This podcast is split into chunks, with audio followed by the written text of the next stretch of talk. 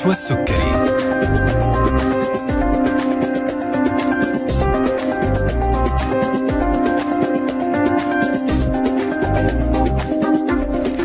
السلام عليكم ورحمة الله تعالى وبركاته. تحية طيبة لكم مستمعي ألف ألف أف أم الموجة السعودية. وأهلا وسهلا فيكم في حلقة جديدة من طبابة. معكم في برنامج طبابة وهو برنامج طبي تفاعلي. يوميا بنقدم لكم في كل حلقة من حلقات طبابة موضوع طبي جديد مع ضيوف مميزين من الأطباء والمتخصصين في المجالات الطبية المختلفة. بيسعدنا في طباب أنه نستقبل أسئلتكم واتصالاتكم على هاتف البرنامج 012 61 61 100 ورسائلكم واستفساراتكم واستشاراتكم على واتس البرنامج 055 66 89 01 بإمكانكم كمان تحميل تطبيق ألف ألف أف أم والتواصل معنا من خلال جميع حساباتنا على مواقع التواصل الاجتماعي تويتر فيسبوك إنستغرام ويوتيوب. اللي حابب إنه يشارك هذه الحلقة مع أحد مهتم بموضوعها أو إنه يتابعها من البداية الحلقة هتكون متاحة بإذن الله تعالى خلال 24 ساعة على اليوتيوب. أما موضوعنا اليوم فهو موضوع مهم متعلق بفصل الشتاء وبرودة الأجواء. مثل ما تعرفوا أنه مع بداية الشتاء وزيادة برودة الجو بتبدأ تظهر اضطرابات مختلفة في الأنف والأذن والحنجرة. مجموعة كبيرة من الأعراض اللي بنشعر بها هذه الأعراض ممكن تكون واضحة جدا وبعض الأعراض الأخرى بتكون للأسف الشديد غير واضحة وبنشعر بوجودها ولكن في أماكن أخرى مختلفة من الجسم. اليوم في حلقتنا هنتكلم عن أبرز اضطرابات ومشاكل الأنف والأذن والحنجرة الشائعة وعلاقتها بفصل الشتاء كيف نتعامل معها كيف ممكن يعني يتم علاجها وكيف ممكن نتفاداها من البداية. كل هذه الأسئلة هنطرحها اليوم مع ضيف حلقتنا الدكتور عبد الملك مروان إسماعيل نائب أول أنف وأذن وحنجرة بمستشفى دلة نمار. أحييك دكتور عبد الملك وأهلا وسهلا فيك. أهلا وسهلا دكتورة نشوى أمسي عليك وعلى إدارة البرنامج والسادة المستمعين بالخير آه ويشرفني أكون معكم إن شاء الله خلال هذه الساعة. الله يسلمك يا دكتور الشرف لنا وصراحة الموضوع هذا موضوع مهم مع زيادة برودة الأجواء عندنا حتى كمان في جده الأجواء صارت باردة أمس كان عندنا أمطار ويعني الأجواء الآن فيها تقلبات. ف... يا رب اللهم اجعلها يا رب امطار خير ونبرك إن شاء الله. طيب خلينا يا دكتور في البداية ناخذ يعني أمراض الأنف والأذن والحنجرة مثل ما آه ذكرنا إنه بتكون أكثر شيوعا في فصل الشتاء، فخلينا ناخذها كذا يعني محور محور نتكلم في البداية عن أكثر حاجة شائعة وهي أمراض أو مشاكل الجيوب الأنفية. أول شيء إيش نقصد بالجيوب الأنفية دكتور؟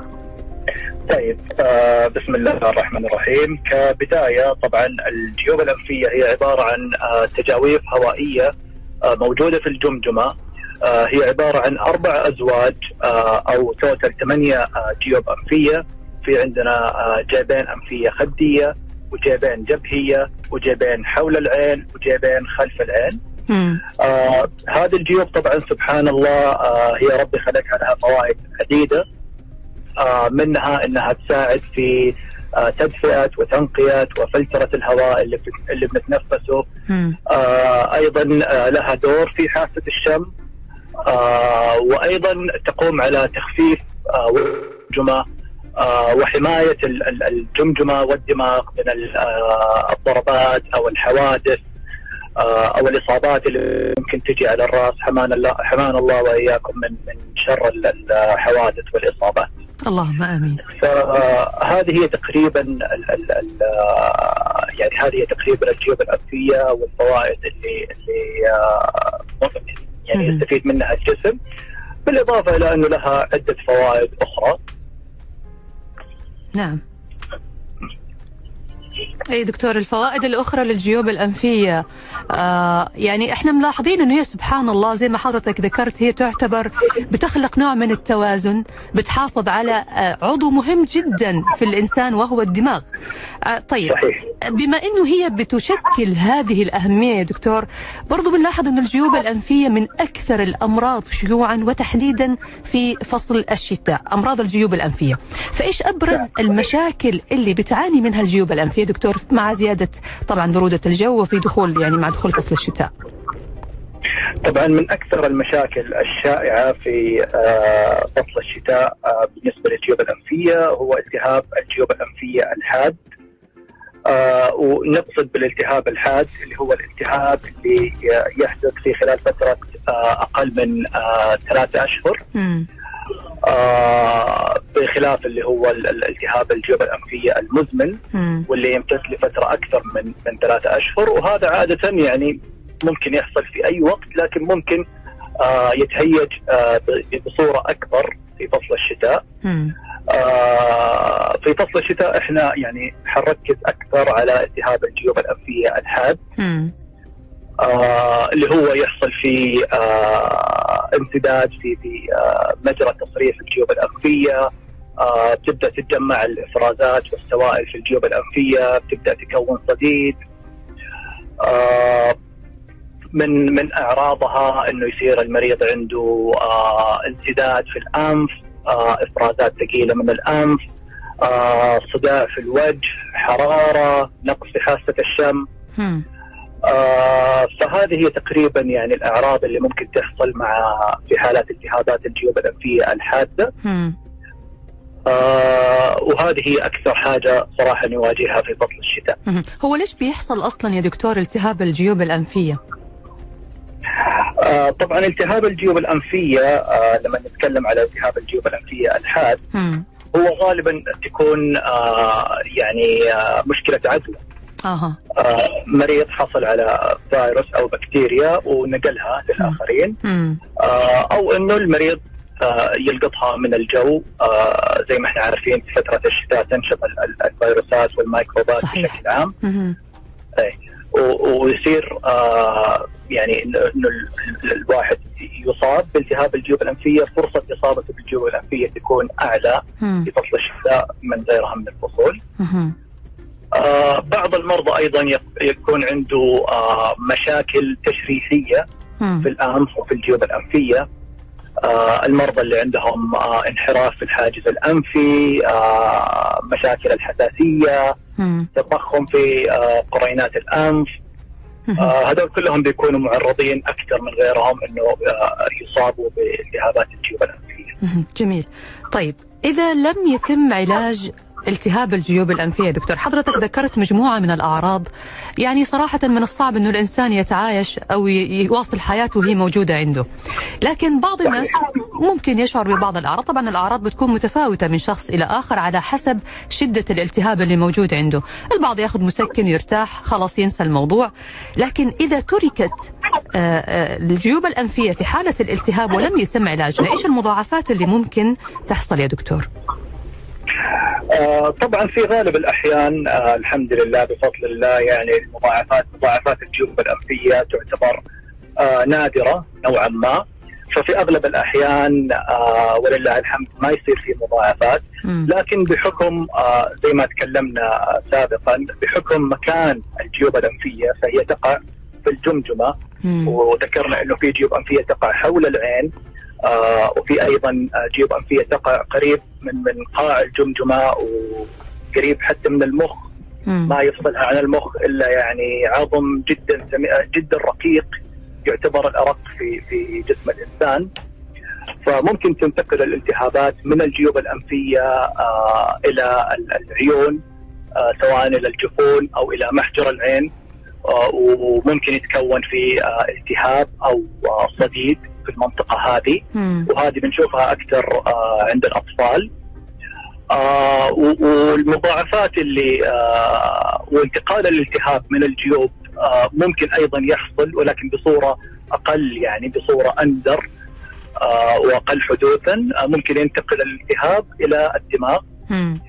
ويصير في آه التهاب آه في السحايا أو الأغشية المحيطة بالدماغ. يا ساتر. ممكن تتكون خراجات نعم وممكن تتكون خراجات آه حول الدماغ أو داخل الدماغ. مم. ولكن ولله الحمد يعني إحنا الآن في آه زي ما يقولوا في الإيرا اوف انتي مع انتشار المضادات آه وكثرة صرفها ما صرنا يعني آه نشوف الالتهابات هذه بصورة زي ما كنا نشوفها. زمان الحمد لله. اللهم لك الحمد. آه، حدوثها أقل. تمام يا دكتور. حلقتنا مستمرة. بعد الفاصل هنعرف إيش هي طرق الوقاية والعلاج من أمراض الجيوب الأنفية. لكن بعد ما نطلع فاصل قصير هنرجع بعد ونكمل حوارنا مع الدكتور عبد الملك مروان نائب أول أنف وأذن وحنجرة. ولا زلنا بنستقبل اتصالاتكم وأسئلتكم على هاتف البرنامج 012 61 61 100 ورسائلكم على واتس البرنامج 055 66 89 01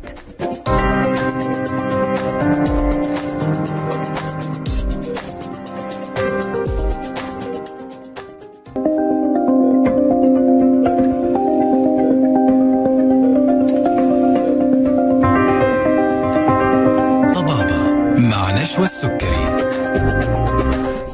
ويا هلا وسهلا فيكم من جديد أرحب فيكم مستمعينا الأعزاء على إذاعة ألف ألف أف أم الموجه السعودية ببرنامجكم طبابة وضيفنا اليوم الدكتور عبد الملك مروان إسماعيل نائب أول أنف وأذن وحنجرة بمستشفى دل نمر. موضوعنا اليوم عن أمراض الأنف والأذن والحنجرة وعلاقتها بفصل الشتاء. بنستقبل اتصالاتكم على هاتف البرنامج 012 61 61 100 ورسائلكم على واتس البرنامج 055 66 89 01 أرحب فيك مرة ثانية دكتور عبد الملك وأهلا وسهلا. أهلا وسهلا دكتورة نشوى. يا هلا ومرحبا. طيب دكتور إحنا كنا قبل الفاصل بنقول هنرجع نكمل الحوار عن موضوع الجيوب الأنفية ونتكلم عن آه، طرق الوقاية والعلاج لأمراض الجيوب الأنفية.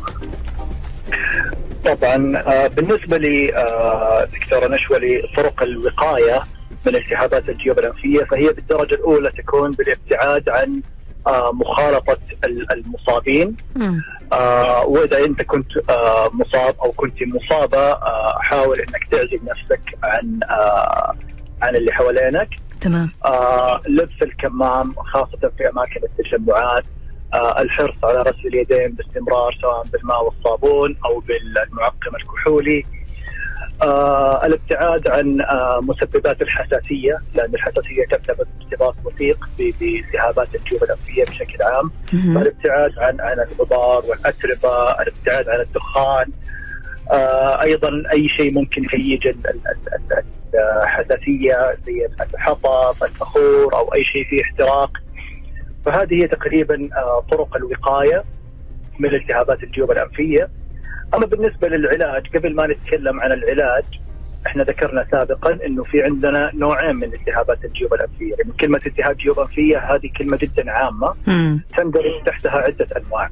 تمام فبالنسبة للعلاج إحنا طبعا حيكون تركيزنا أكثر على آه، التهابات الجيوب الانفيه الحادة آه، واللي هي تظهر أكثر بصورة أكثر في فصل الشتاء آه، وممكن نتطرق على السريع آه، إذا كان في وقت لإلتهابات الجيوب الانفيه المزمنة. تمام بالنسبة لالتهابات الجيوب الانفيه الحادة العلاج يكون بالإكثار من شرب السوائل على أساس نخلي ال- الإفرازات تصير أخف تصير. مور لوز آه ال- ال- الحرص على آه اخذ قسط من الراحة آه أخذ ال- المسكنات آه استخدام آه بخاخات الأنف آه المصروفه من قبل الطبيب عادة في أغلب آه ال- ال- الحالات يكون الالتهاب فيروسي لا. يستدعي أخذ مضاد آه متى والله دكتور نشوى إحنا نقول إنه آه الالتهاب هذا بكتيري. ويستدعي أخذ مضاد آه في حالتين إذا استمرت الأعراض لمدة أكثر من عشرة أيام من تمام. من بدء ظهور الأعراض مم. هنا نبدأ نشتبه إنه الالتهاب بكتيري أو إذا صار في حاجة نسميها إحنا double worsening إنه المريض آه كان سيء وبعدين تحسن وبعدها بيومين ثلاثة فجأة رجع آه رجعت الأعراض عنده بشكل اسوء عنده نشتبه. إنه المريض. اي نشتبه إنه قلب من التهاب فيروسي لالتهاب بكتيري ك secondary infection كعدوى ثانوية يعني إضافة نعم. فوق الطيب نعم. superimposed infection نعم إيه. صحيح فهنا. نقول إنه ال- ال- ال- المريض آه، احتمال إنه يكون عنده الالتهاب بكتيري أعلى وهنا آه، يتم صرف المضاد.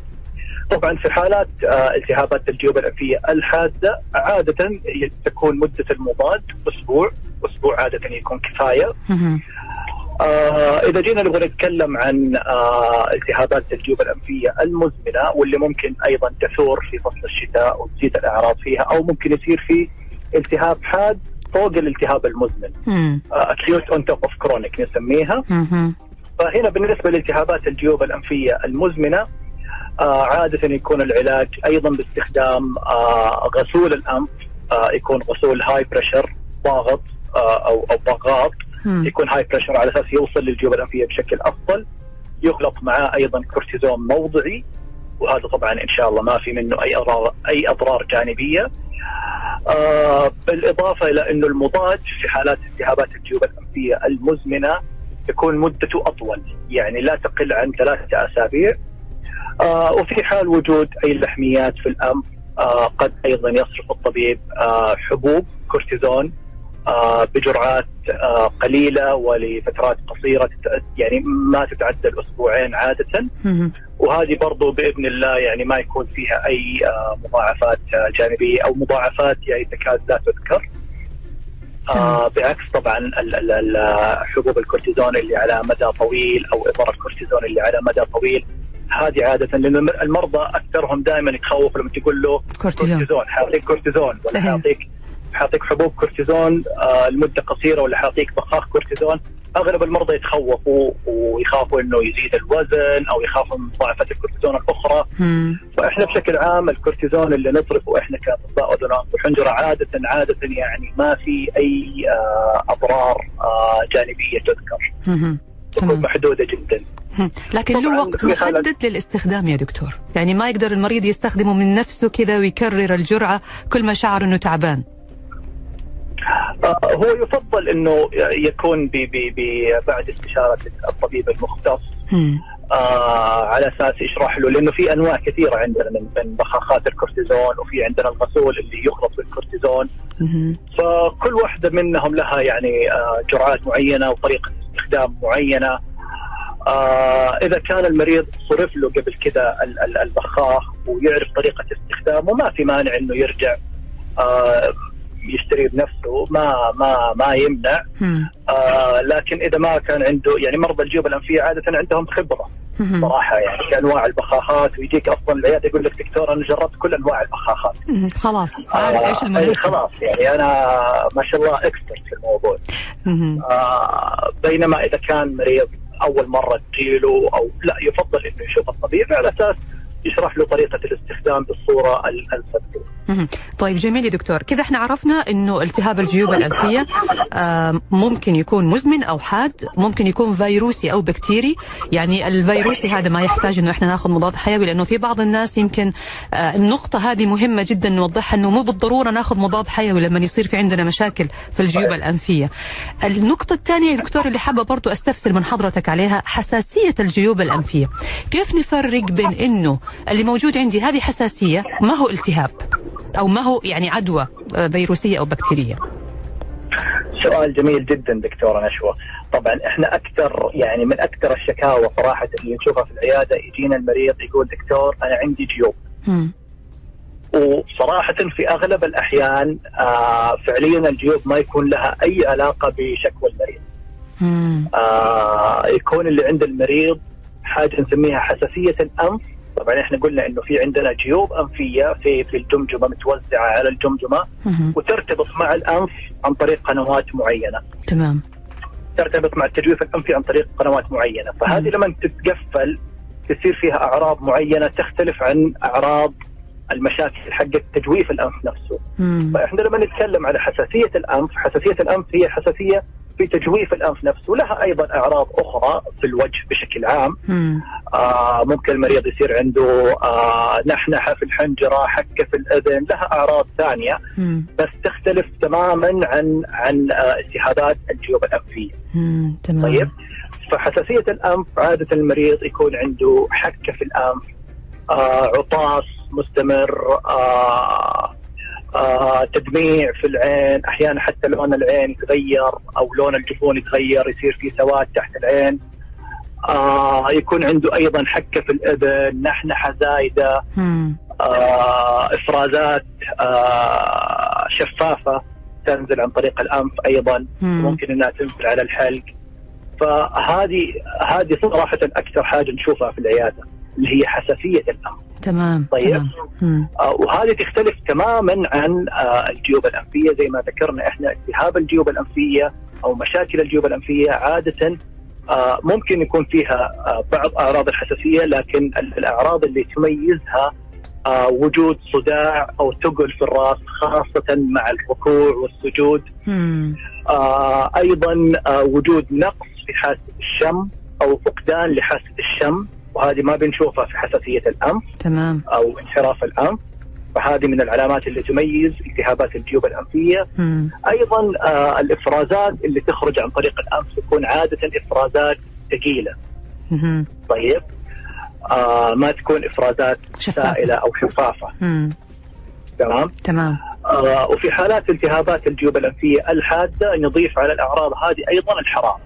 آه ممكن يكون في كمان ارتفاع في الحرارة لأنه فيروس أو أو في في عدوى. موجودة والجسم بيقاومها. صحيح تمام صحيح. طيب يا دكتور ممتاز. حلقتنا مستمرة وأسئلتنا مستمرة. هنواصل مع حضرتك إيش هي أبرز مشاكل الأنف والأذن والحنجرة المتعلقة بفصل الشتاء. لكن بعد ما نطلع فاصل قصير وأرجع أذكر مستمعينا الأعزاء أنه بإمكانكم التواصل معنا على واتساب البرنامج 055 66 89 01 فاصل. ونرجع بعد لحوارنا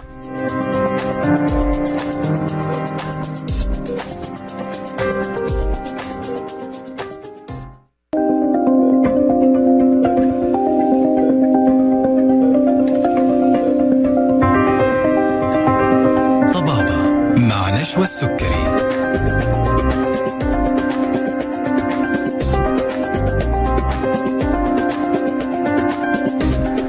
ويا هلا وسهلا. رجعنا لكم مرة ثانية مستمعينا الأعزاء لبرنامجكم طبابة على إذاعة ألف ألف أف أم الموجة السعودية وموضوعنا اليوم عن أمراض الأنف والأذن والحنجرة وعلاقتها بفصل الشتاء مع ضيف حلقة اليوم الدكتور عبد الملك مروان إسماعيل نائب أول أنف وأذن وحنجرة بمستشفى دلة نمر. بنسعد باستقبال أسئلتكم واستفساراتكم على هاتف البرنامج 012 61 61 100 ورسائلكم على واتس البرنامج 055 66 89 01 أحييك دكتور عبد الملك وأهلا وسهلا فيك مرة ثانية. أهلا وسهلا فيك دكتورة نشوى. الله يسلمك. طيب دكتور هننتقل من الأنف إلى الأذن ونتكلم عن أكثر أمراض الأذن. شيوعا دكتور في صوت عند حضرتك؟ لو ممكن آه بس الصوت عشان واضح. أيوه معلش. إيه كده تمام. كده صوتك ممتاز يا دكتور. طيب إيش هي دكتور أكثر أمراض الأذن الشائعة والمتعلقة بفصل الشتاء؟ طيب آه طبعا أكثر آه أمراض الأذن آه شيوعا آه ممكن نقسمها آه بحسب ال- ال- الفئه العمرية. مهم.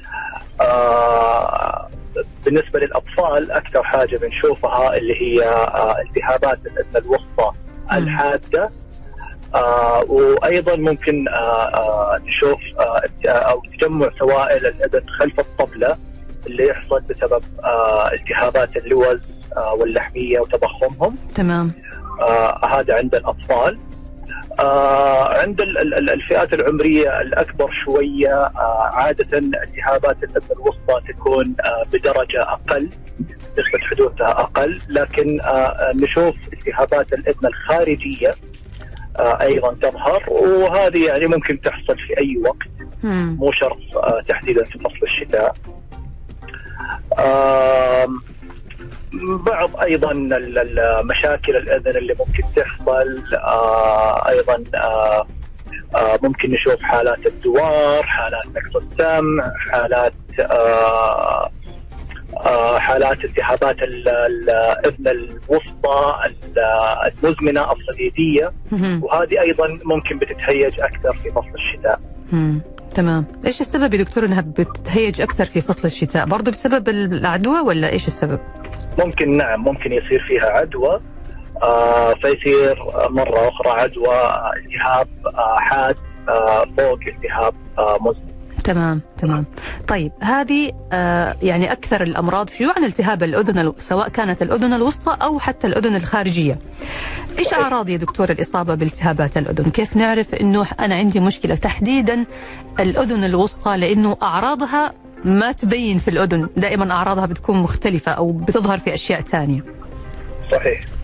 طيب طبعا آه، التهابات الأذن الوسطى عادة آه، يصاحبها أو أو تكون يعني تحصل مع التهابات آه، مجرى التنفس العلوي بشكل عام مم. فممكن يكون المريض عنده رشح زكام آه، ألم في اللوز التهاب في اللوز آه، صعوبة في البلع و- وكحة آه، هذه بعض الأعراض اللي تكون في البداية تحصل مع المريض. ولاحقا ممكن يصير المريض ممكن يصير عنده آه إذا انتقلت العدوى من الأماكن هذه للأذن بيصير في آه ألم في الاذن آه انسداد في الاذن ونقص في في في السمع. آه ألم شديد جدا خاصة عند الأطفال. ممكن ما يقدر ينام الطفل من الالم وتلاقيه كل شوية جالس يمسك اذنه يصير في ارتفاع في درجة الحرارة. أحيانا يصير في أيضا دوخة أو دوار. آه، هذه هي تقريبا يعني الأعراض اللي ممكن آه، تحصل آه، بالنسبة لالتهاب الاذن الوسطى الحاد. تمام. بالنسبة للمرضى اللي اللي عندهم وأيضا ممكن يحصل أيضا إفرازات من الاذن. إذا طبعا آه، ال- ال- الالتهاب الجسم يحاول إنه يتخلص منه فمع الضغط اللي يصير خلف الطبلة وتجمع الصديد آه، في الأذن الطبلة تفتح وتخرج الإفرازات والصديد منها واللي ممكن تكون مخلوطه أيضا بدم. مم. تخرج من الأذن الخارجية.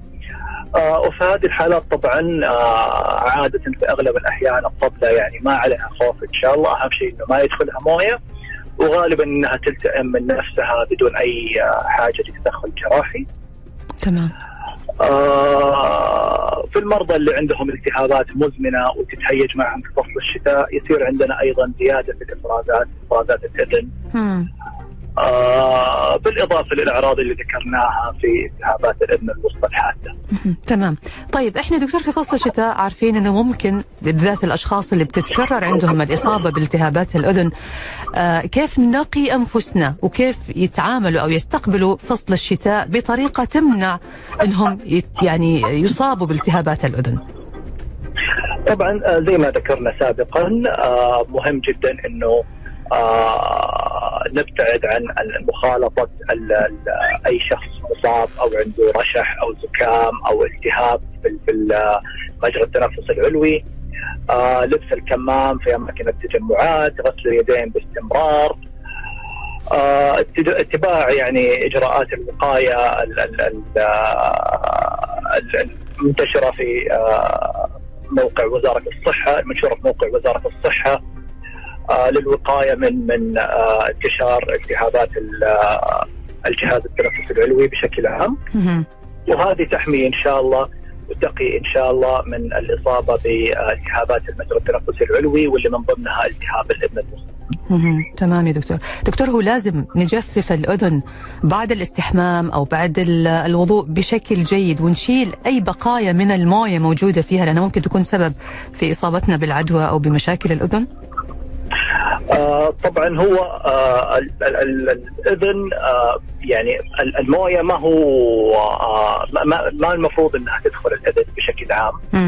آه، ما هو مكان جيد لدخول الموية آه، لكن أيضا في نفس الوقت ما ننصح ابدا إحنا كأطباء الأذن والانف والحنجره ما ننصح بإدخال أي اعواد أذان أو آه، أي آه، أو منديل أو أي شيء داخل الاذن، الاذن تنظف نفسها بنفسها. استعمالنا لاعواد الأذان وهذا طبعا من الأشياء الشائعة عند عند الناس بشكل عام صحيح إنه يقول لك يقول لك دكتور أنا أنظف اذني باستمرار غريبا إيش التهابات الأذن؟ مم. طبعا تنظيف الأذن أو تدخيل عود الأذان، عود الأذان مصمم لتنظيف الأذن من برا فقط، مم. تنظيف صوان الأذن نفسه. ما المفروض إنها تدخل في فتحة الأذن، المفروض ان عود الأذن يدخل في فتحة الأذن لعدة أسباب، منها إنه ممكن إنه آه يصير في جرح في قناة الأذن الخارجية. والجرح يكون معرض أكثر لإنه آه تدخل الميكروبات داخل الجرح هذا وتسبب التهاب في الابره الخارجية. أيوه. منها أيضا من الأسباب أيضا إنه ممكن إذا دخلت عود الأذان آه بصورة زايدة ممكن إنه يصير في آه إصابة أو ثقب في طبلة الاذن.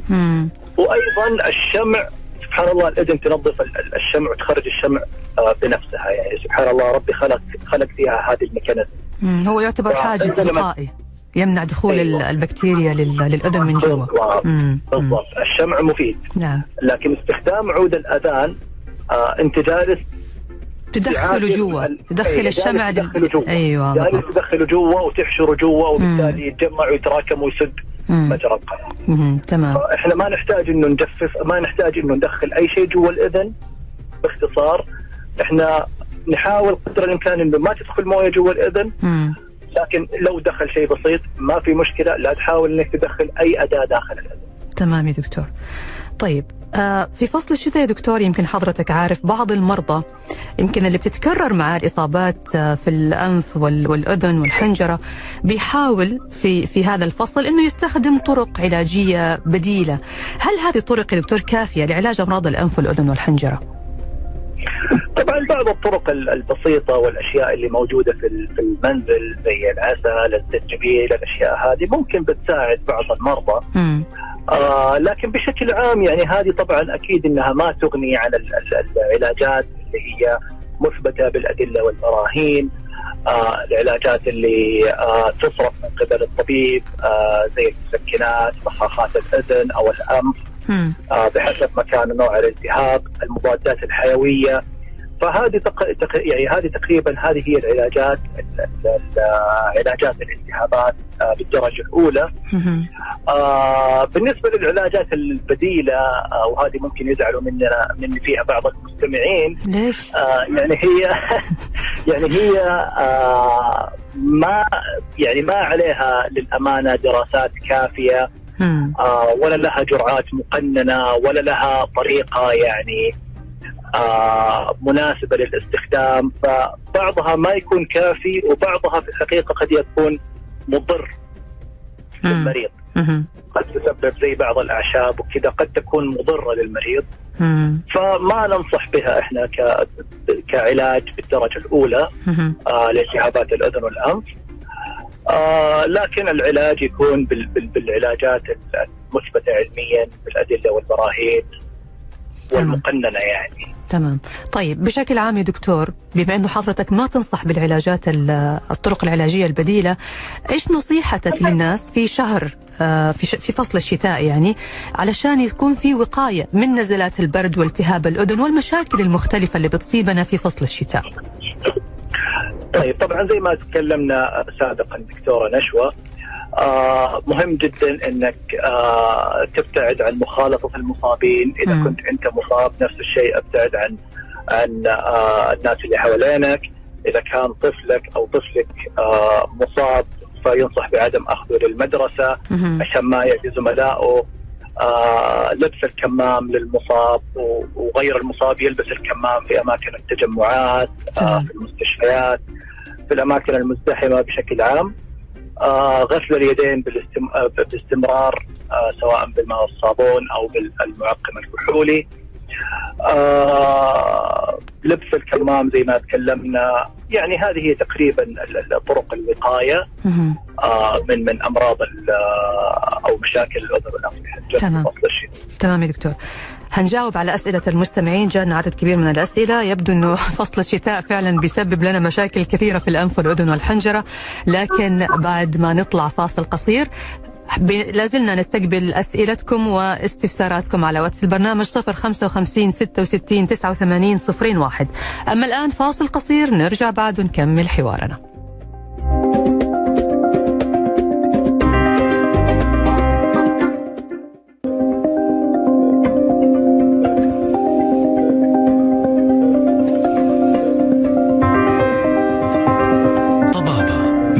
choix ويا هلا وسهلا فيكم. رجعنا لكم مرة ثانية. مستمعينا الأعزاء وبرنامجكم طبابة على ألف ألف أف أم مع ضيف حلقة اليوم الدكتور عبد الملك مروان نائب أول أنف وأذن وحنجرة بمستشفى دلة نمار. وموضوعنا اليوم عن أمراض الأنف والأذن والحنجرة وعلاقتها بفصل الشتاء. لا زلنا نستقبل أسئلتكم على واتس البرنامج 055 66 89 01 بس لو بترسلوا شيء يعني أرسلوه بسرعة لأنه خلص ما عاد باقي عندنا إلا سبع دقائق هناخذ الآن الأسئلة اللي جاتنا يا دكتور. أحييك مرة ثانية دكتور عبد الملك. حياك الله دكتور. الله يسلمك. طيب يا دكتور أول سؤال عندنا يقول أنا عندي التهاب متكرر في اللوزتين ويزيد في فصل الشتاء فهل الحل هو الاستئصال الجراحي أم أنه أعالجهم وأتعايش مع هذه الحالة؟ طيب سؤال جميل دكتور نشوى. بالنسبة لالتهابات اللوز آه يعتمد صراحة على العمر. آه في في الأطفال نعم إذا كان فعلا التهاب آه متكرر ويسبب له حرارة ويتغيب عن المدرسة وكذا آه نعم ننصح إحنا باستئصال اللوز في هذه يعني الحالة. الاستئصال في الحالة هذه أفضل يا دكتور. نعم. آه بالنسبة للاعمار اللي أكبر شوية يعني فوق ال فوق ال 15 سنة. آه فما فوق عادة آه آه الام اللوز المتكررة. ما بيكون سببها آه للأمانة التهاب في اللوز نفسها مم. عادة بتكون المشكلة إما إفرازات آه من الأنف بتنزل على الحلق لأسباب مختلفة سواء. مشاكل الأنف آه والجيوب الأنفية أو بيكون سببها آه ارتجاع المريء أيوه آه فيقوم حمض المريء يطلع على فوق ويهيج آه ويسبب آه، مشاكل في اللوزتين فتشعر إنه في. احتقان في الحلق وأنا. يسبب احتقان في الحلق نعم هذه علاجها ما هو الاستئصال هذه علاجها إنه أعالج الارتجاع الحمضي اللي حاصل. صحيح صحيح ففي ال- ال- الكبار شوية إحنا عادة آه قبل ما نسوي أي تدخل جراحي لابد من فحص المريض أخذ التاريخ المرضي. آه بصورة مفصلة آه عمل الفحص في آه، العيادة باستخدام المنظار في العيادة آه بدون أي تخدير. آه وما ما بيكون في ألم. آه ونشوف فين مكان المشكلة لأنه الأغلب تكون المشكلة إما من من ال المريء أو من الانف مم. فإذا عالجنا هذه آه، هذه الأماكن فيرتاح من. يرتاح المريض آه، بصورة يعني ممتازة تمام آه، أما إذا كان فعلا وهذه بنشوفها بصورة أقل في الكبار زي ما تكلمنا مم. إذا كان فعلا والله التهاب وما في أي مشاكل في الأماكن الثانية أيوه وكان الالتهاب هذا متكرر أي. ويسبب تغيب عن الدوام ويسبب ألم وحرارة آه وما بتفيد مع المضادات في هذه الحالة نعم قد نلجأ للحل الجراحي. تمام يا دكتور طيب ناخذ السؤال الثاني يقول السلام عليكم حابب أستفسر من الدكتور عبد الملك أنا أعاني من التهاب في الجيوب الأنفية مسبب لي جفاف حاد بالأنف جربت أغلب القطرات وما في فايدة إلا إنها وقتية وترجع وغالبا تكون وقت النوم آه جفاف في الحلق أو في الأنف. في الأنف. يقول في الأنف في الأنف. مم. طيب طبعا لابد آه نفس الشيء من من أخذ التاريخ المرضي آه وعمل فحص في العياده لمعرفه السبب. آه عادة آه مشاكل ال- الأنف والجيوب الأنفية تسبب لنا آه جفاف في الحلق مم. مش في الأنف مم. لأن المريض يكون ما بيتنفس في الليل ما بيتنفس عن طريق الأنف آه فيصير جالس يتنفس عن طريق الفم طول الليل مم. آه ويصير عنده جفاف في الحلق. آه بشكل عام بالنسبة لبخاخات الانف آه للناس اللي تعاني من حساسية الانف أو مشاكل الجيوب الأنفية آه هي مشاكل مزمنة مم. والعلاج فيها يكون آه لابد إنه يكون أيضا يعني لفترات طويلة. مم. فيحتاج إنه المريض آه يستمر على البخاخ آه وممكن ياخذ له مثلا كل شهرين يوقف أسبوع آه يريح في الأنف ويرجع يكمل عليها مم. عشان تؤدي مفعولها. تمام. البخاخات حضرتك تقصد اللي فيها نسبة كورتيزون. نعم. نعم. في في كمان يا دكتور بخاخات آه، اللي هي ال saline أو اللي هي الموية مع الملح السؤال. آه، اللي هي بس مجرد إنه تعمل نوع من الترطيب كذا وتنظيف لل- للأنف. آه، هل هذه في مشاكل من استخدامها لفترات طويلة؟ لا هذه طبعا ما في منها أي مشكلة إنه هي عبارة عن يعني موية وملح فما. فيها أي اضرار. إحنا طبعا نصرفها دائما مع بخاخات الكورتيزون لأن الكورتيزون ينشف الأنف مم. وممكن إنه يسبب آه، رعاف أو نزف من الأنف okay آه، طبعا إذا تم استخدامه بطريقة خاطئة أو آه تم يعني استخدمناه من غير ما نستخدم معاه أي ترطيب للانف. فعاده إحنا نصرف البخاخات ال saline بالإضافة لبخاخات الكورتيزون الموضعي. تمام دكتور. سؤال من هاني عبد الرحمن يقول السلام عليكم ورحمة الله. آه سؤال إذا أمكن آه عندي ألم بالأذن أثناء إقلاع وهبوط الطائرة. فما هو السبب والعلاج إن أمكن؟ وشكرا لكم. طيب طبعا آه هذه آه غالبا غالبا مشكلة ال- الأذن عنده. آه هي ما هي برضه في الإذن مم. هي غالبا تكون عنده في الأنف في الأنف فقد يكون نعم مم. ف- فقد يكون عنده آه آه مشاكل في الأنف حساسية في الأنف أو انحراف في الأنف في الحاجز الأنفي. آه وهذه بتأثر على عمل قناة عندنا إحنا في الجسم نسميها قناة التاكيوس مم. هذه اللي تربط ال- تربط الإذن بالأنف ومسؤولة عن توازن الضغط في منطقة الأذن. أها. فلما يصير عندنا مشكلة في الانف آه ممكن إنها تؤثر على عمل القناة هذه وبالتالي يزيد ضغط آه، ضغط آه، الطبلة خاصة عند الهبوط. مم. وقت الهبوط عادة لأن الهبوط لما تنزلي أنت يزيد البريشر صحيح. آه يزيد الضغط. نعم. فبالتالي آه، في هذه الحالة لابد من فحص المريض في العيادة أخذ التاريخ المرضي عمل منظار في العيادة لفحص الأنف آه، وإعطاء العلاج المناسب بالنسبة للأشخاص اللي آه، عنده رحلة أو يبغى يسافر بالطيارة عن طريق الطائرة مم. آه، فهنا ننصح إحنا بأخذ قبل قبل الرحلة أخذ آه، ممكن بخاخ للإحتقان. زي البتروفين. وأخذ حبة حساسية هذه ممكن إنها بتساعد. كثير في. تخفف الأعراض نعم تمام طيب وأكل العلك أيضا أكل العلك آه، أكل العلك. لأنه بيحرك نعم بيحرك عضلات ال- ال- الحلق فبيفتح قناة التاكس بيساعد. على فتحها. تمام. معلش دكتور عشان عندنا أسئلة كثيرة كمان في سؤال يقول السلام عليكم. عندي صداع شديد ولون العيون شوي يصفر أحيانا وأحيانا لما أضغط على العين يكون في ألم بسيط. مع العلم الصداع استمر معي أربع أيام بدون أخذ أدوية ومع الأدوية صار يروح ويجي على خفيف. الأدوية اللي كان يأخذها مضاد حيوي ومضاد للهستامين. ويسأل هل البث مسجل؟ وأقدر أرجع له؟ أيوه البث خلال 24 ساعة. إن شاء الله هتكون الحلقة متاحة على اليوتيوب تقدر ترجع له. فهو الآن يا دكتور يقول أنا لازلت آخذ مضاد الهستامين لما آخذه أحس براحة. الصداع صار له الحين أسبوعين معاي. فإيش الحل؟ الله يعطيكم العافية. لابد لابد من فحص لابد من الفحص في ال- في العيادة مم. وعمل منظار للانف لمعرفة إذا كان فعلا هل عنده التهاب في الجيوب الانفيه. آه ويعني صرف ال- المضاد المناسب في مضادات معينة إحنا بنعطيها في حالات الجيوب الانفيه. تمام. آخر سؤال يا دكتور يقول سويت عملية تعديل الحاجز الأنفي لأني كنت أعاني من صداع مزمن ولا زال الصداع موجود. هل الصداع يكون من الجيوب الأنفية أو لا؟ أنا بعتذر منك لأنه أنت الحقيقة أرسلت السؤال. إحنا الوقت الحالي ما نقدر نستقبل اتصالات لأنه خلاص إحنا راح ننهي الحلقة لكن هعرض طبعا سؤالك على الدكتور. تفضل يا دكتور. آه طيب آه ممكن نعم. ممكن يكون آه من الجيوب الأنفية. مم. آه وفي حالات قليلة جدا يعني ما بنشوفها كثير ممكن يكون الانحراف آه رجع. آه ممكن الانحراف يكون رجع فسبب نعم، الصداع أو استمر الصداع معه بس آه ما أتوقع صراحة لأنه حتى لو رجع الانحراف ما يرجع بنفس بنفس شدة المرة الأولى مم. آه وبالنسبة لانحراف الاذن ك بالنسبة لانحراف الانف كسبب للصداع آه هو ما بيكون يعني آه، سبب أساسي للصداع. قد تكون المشكلة آه من الجيوب الانفيه تمام. أنا بشكرك جزيل الشكر الدكتور عبد الملك مروان إسماعيل نائب أول أنف وأذن وحنجرة بمستشفى دلة نمار. شكرا جزيلا لوجودك معنا ولطرح هذا الموضوع المهم علينا يا دكتور في هذا التوقيت تحديدا. شكرا لك. ألف ألف شكر لك دكتورة نشوى آه والشكر موصول أيضا لإدارة القناة وإدارة البرنامج.